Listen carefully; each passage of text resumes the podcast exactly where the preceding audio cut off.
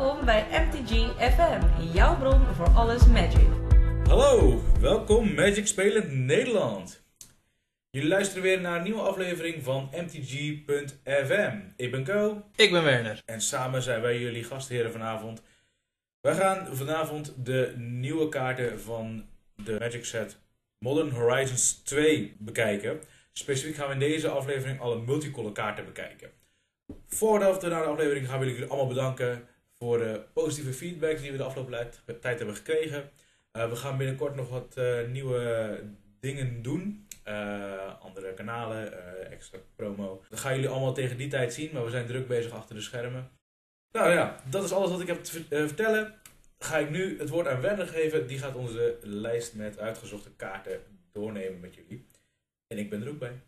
We gaan vandaag beginnen met de Planeswalkers. Het zijn er niet zoveel, dus daar beginnen we gelijk mee. Hebben we dat gehad? Kunnen we daarna door naar de multicolor kaarten die niet Planeswalker zijn. Eerste Planeswalker waar we het over gaan hebben is Dakon Shadow Slayer. Voor wit, blauw en zwart heb je een Legendary Planeswalker Dakon. Als Dakon in de battlefield komt, dan krijgt hij net zoveel loyalty counters erop als dat jij lands hebt liggen. Zijn plus 1 ability is Surveil 2.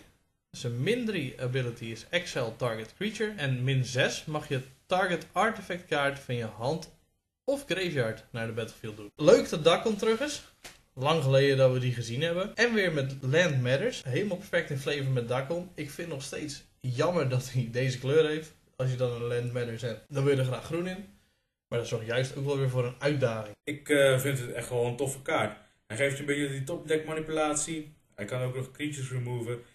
Ik vind de kleurencombinatie alleen een beetje gek of zo. Ik denk dat het is omdat de vorige Dakon ook in deze kleuren was. En die was geloof ik net zo sterk als het aantal lens dat je had. Ah, oké. Okay. Ja, precies. Oké, okay, ja, ik ken die oude Dakon niet.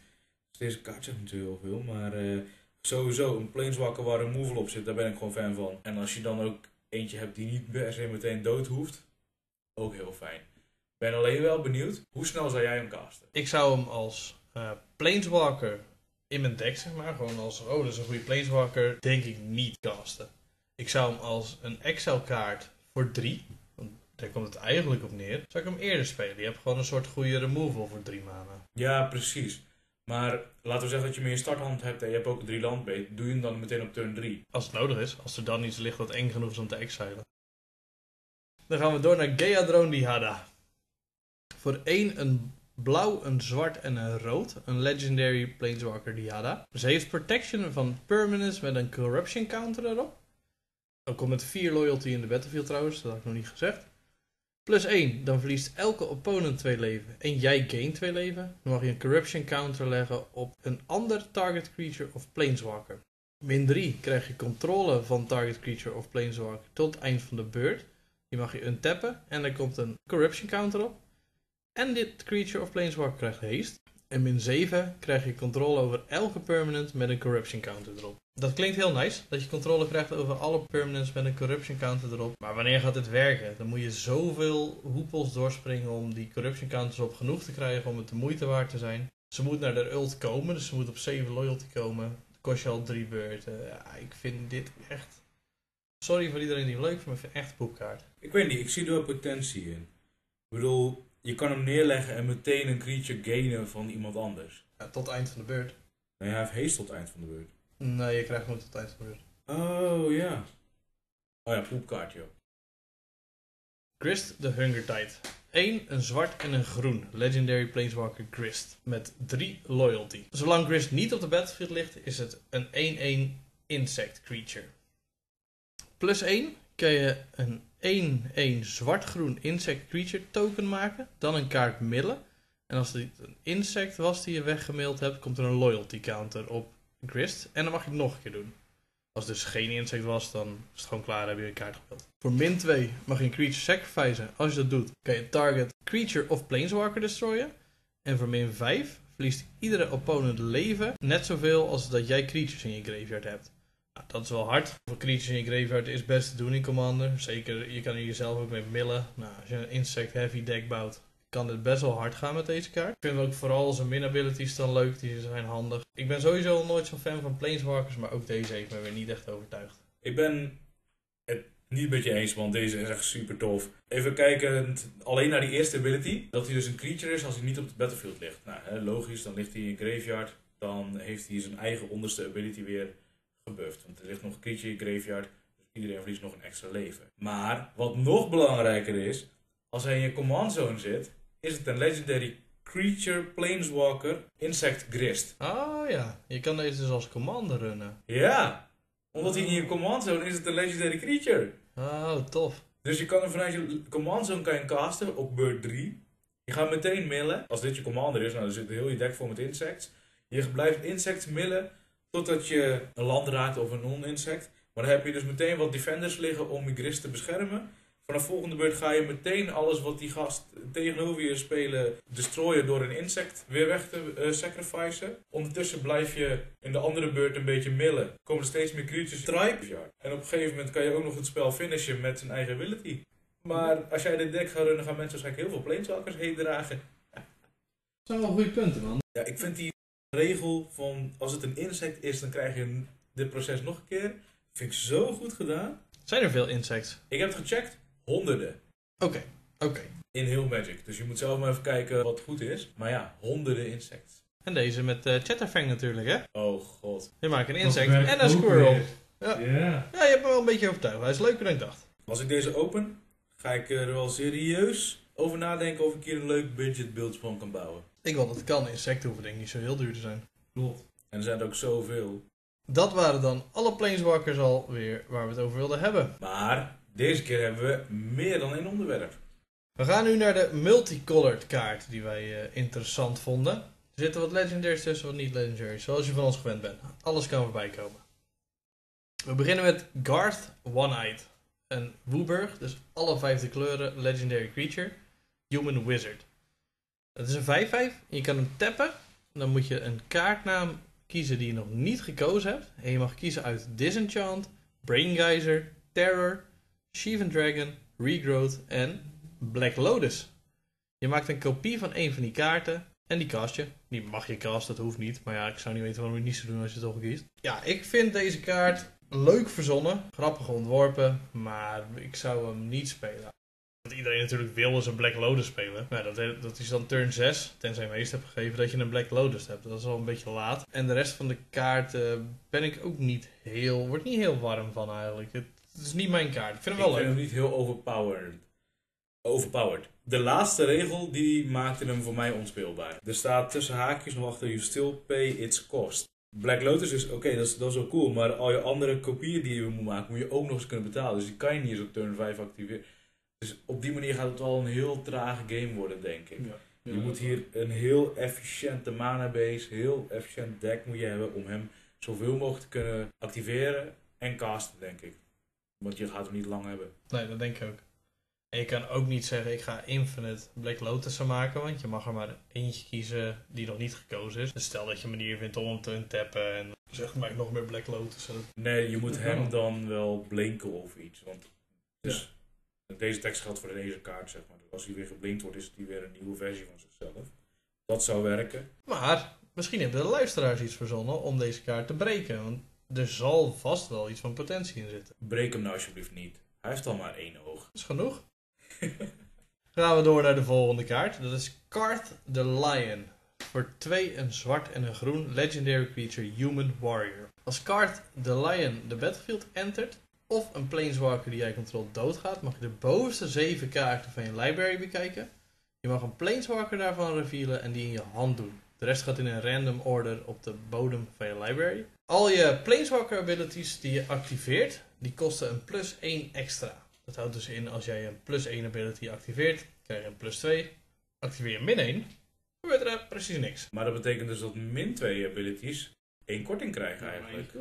Dat is wel heel chill voor een Planeswalker deck. Ja, voor Super Friends is dit heel nice. Ja, ik denk dat dit wel echt een must-run wordt. Ja, in, in die deck zeker. Zeker. Daar heb je het gewoon nodig. Volgens mij ook de enige die dit doet. Ja, klopt. Dit is wel echt heel nieuw. Ik heb volgens mij nog nooit van mijn leven eerder op een kaart die plus 1 ability zo uitgebeeld gezien. Ik wilde echt hetzelfde zeggen. Ik zag het staan en ik hè, wat is dit nou? Ja, Ja, wel grappig ontwerp. Leuk verzonnen weer. goede kaart. Ik eh, ga hem zeker eh, in Super Friends runnen.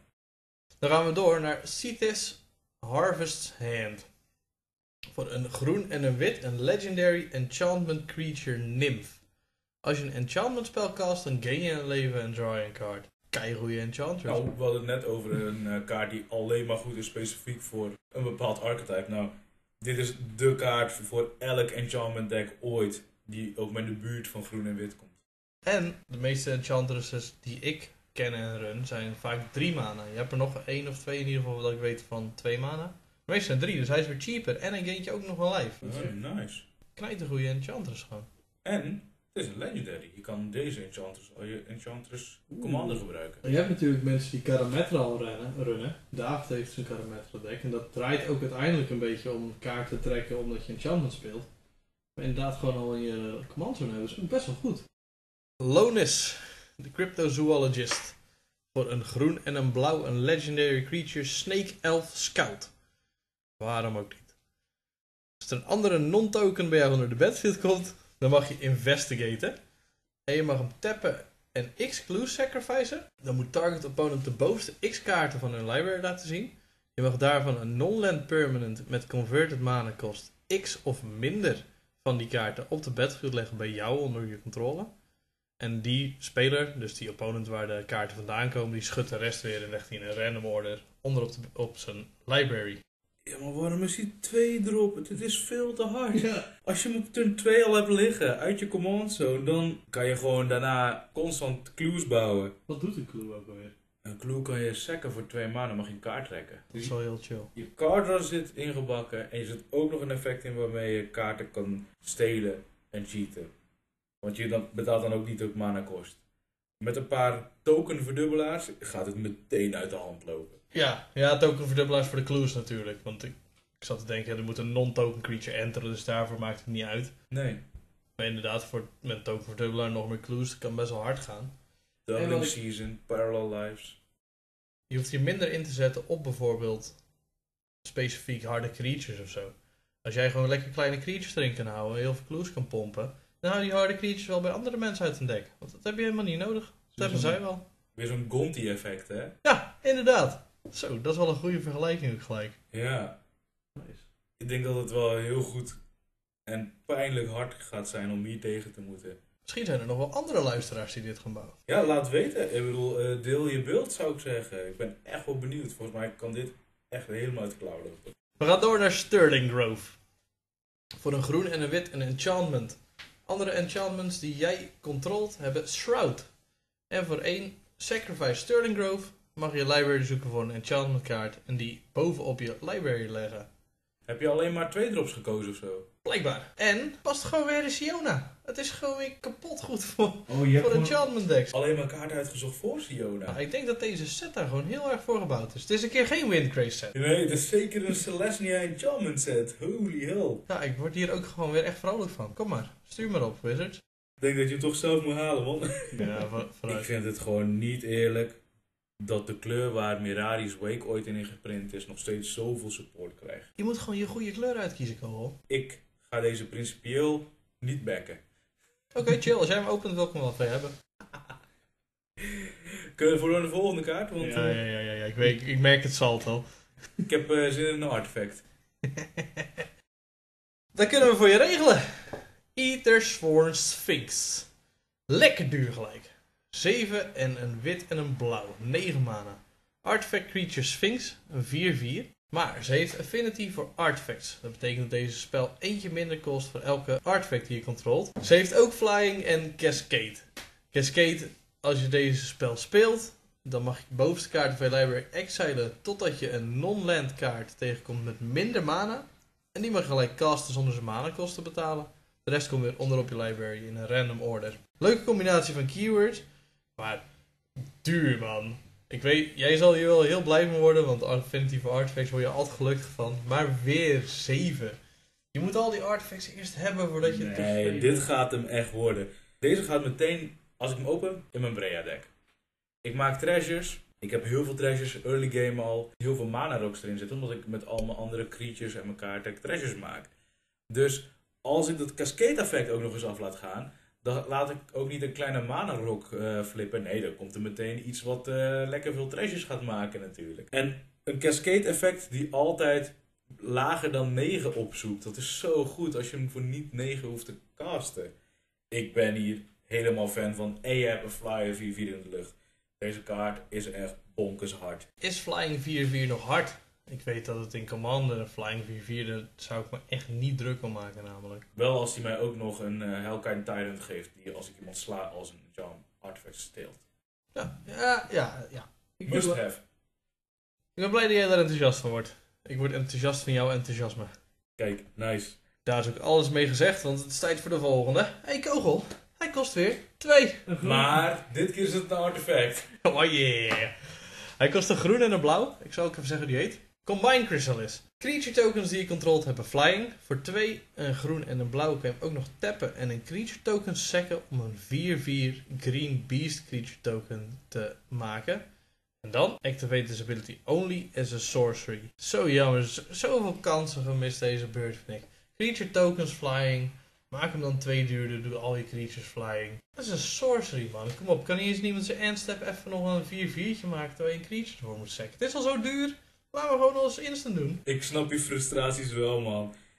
Ik moet eerlijk zeggen, creature tokens, als die flying krijgen, dat is veel te gevaarlijk.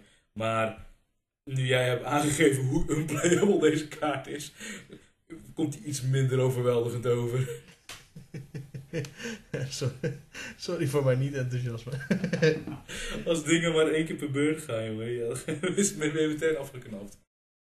Ja, nu komen we bij de leukste kaart van vanavond. Ik ga mijn best doen. Ik denk dat we hier gewoon een contest van moeten maken. Als jullie dit beter kunnen uitspreken dan ik, stuur het alsjeblieft naar ons op. We komen bij Asmoran Nomari Nomardika Daistina Kuldakar. Ah, Kuldakar. Wacht, dit kan ik ook. Asmorano Mardika Daistinu Kuldikar. Daistina, hè? Ik ga hem even voorlezen. Ze heeft geen mana kost. Het is een legendary creature human wizard. Als je een kaart gediscard hebt deze beurt, dan mag je een hybrid mana van zwart of rood betalen om deze spel te casten. Als ze in de battlefield komt, mag je library zoeken voor een kaart die Underworld Cookbook heet. Die mag je revealen en in je hand doen en dan je library schudden. Dan mag je ook nog twee food sacrifice als je wil. Een target creature 6 damage tegen zichzelf laten dealen. Ik zal ook, voordat ik even mijn mening hierover ga geven, de Underworld Cookbook even voorlezen voor de referentie. Underworld Cookbook is een artefact die 1 kost. Die kan je tappen om een kaart te discarden en een food token te maken. Of je kan 4 betalen, tappen en de Underworld Cookbook sacrifice en target creature van je graveyard naar je hand doen. De naam hier alleen al, dat zegt genoeg. dus eh, alleen daarom zou ik hem al niet spelen. Je kan niet zeggen, ik speel nu Esmeralda Kuldekar. Ging je nog best goed af. Ja, ik, eh, ik, heb. Maar, wat ik hier heel tof van vind, is deze kaart heeft voor zover ik weet helemaal geen commander tekst. Het heeft namelijk geen mana kost. Er wordt wel twee meer. Dus een casting kost is discard iets, betaal één als je iets gediscard hebt. En dat wordt volgens mij niet duurder. Als ik het fout heb, hoor ik het graag, maar volgens mij is dat wel hoe het werkt. 6 damage schieten, de creature die 6 damage tegen zichzelf schiet, is sowieso nice. Stel dat je een, iemand heeft een death touch 13-13 liggen in een extreme geval. Dan laat je dat creature gewoon 6 damage tegen zichzelf schieten, is hij dood omdat hij touch heeft. Nou, dat is gewoon al een redelijk handige removal. Underworld Cookbook opzoeken is sowieso handig, omdat stel dat je commander doodgaat, kan je daarmee iets discarden. Dus kan je commander weer spelen. Leuk ontworpen, niet helemaal mijn ding, maar ik, ik vind het gewoon wel leuk. Ik vind het sowieso tof dat die kaart geen casting kost heeft, maar alleen een ability om te casten. Doe een beetje denken aan die commanders van eh Ikoria met Mutate. En jij hebt er ook eentje, eh, de Revi. Cast je natuurlijk ook met een ability. Dus dat vind ik wel tof, dat je eh, op die manier geen commander kost hebt. Ik vraag me alleen af of je deze echt wel als commander zou willen. Want ik vind hem goed in een discard deck. Hè, je kan, als je er veel dingen di- aan discarden bent, maar je zou hem niet per se spelen omdat hij je helpt met discarden. Maar, aan de andere kant, als dit je commander is en je bouwt heel je, de rest van je deck als een discard deck. Ja, maar dan moet je twee thema's pakken. Discard, maar ook food. Hoezo? Want anders, ja, wat heb je verder aan dat ding, behalve omdat hij het artefact opzoekt? Je wilt die foods hebben om die damage te kunnen Ja, de artefact maakt food. De Underworld Cookbook maakt food. Ah, ja, ja, ja. ja. Ik zou niet, ik zou food misschien een beetje erin splashen, maar daar zou ik niet op bouwen. Ik zou denk hier lekker mee gaan wheelen en zo. Laat iedereen maar discarden. eh, Discard je ook, kan je weer spelen. Ja, precies. Ik weet het niet, man. Ik zou hem niet snel in een commander slot steken, maar ik zou hem zeker in de 99 steken van een discard deck. Dat is heel logisch inderdaad. Daar zou ik hem ook wel in doen. Je kan het aan Jimmy vragen, van de command zo. Die heeft hem gespeeld, dat is de laatste Game Nights aflevering. Oh, even checken. Ik heb hem gecheckt, maar ik weet niet meer hoe het ging. Oké, nou, dus weinig indrukwekkend in ieder geval. Ja, ik moet ook zeggen dat ik het weinig herinner van dat potje wegens omstandigheden. Oké, ja, dat is dan eh, Wel positieve omstandigheden hoor. tof. Dus, hebben we nog meer kaarten? Nee! Dan wil ik dat je nog een keer die naam uitspreekt. Esmoran Nomadika di Stani Kaldukar. nice. Dankjewel Magic Spelend Nederland voor het luisteren naar onze podcast. Dit was de aflevering over de multicolor kaarten van Modern Horizons 2. Ja, als je zelf nog zegt van... Hé, hey, ik heb nog kaarten waarvan eh, ik ze niet in jullie lijstje heb gezien. Of hey, volgende keer als jullie dit eh, over kaarten hebben... Zou ik het tof vinden als jullie dit ook doen. Laat ons weten. Je kan ons bereiken via mtgfm.info.gmail.com Of via onze Instagram mtg.fm. Of je kan ons tegenwoordig ook vinden op Twitter. Ja jongens, we gaan steeds meer uitbreiden naar verschillende kanalen. Dus hou ons in de gaten. Like ons op Twitter of volg ons. Geen stem met social media. Je vindt hier op deze pagina ook ergens een duimpje. Klik erop. Worden we blij van. Duimpje naar boven, het liefst. Maar hey, het is jouw leven. Bedankt voor het luisteren. Tot de volgende. Hatter. Heb jij nog wat te melden, Wenner? Anders kunnen we meteen met de aflevering aan de gang. Nee.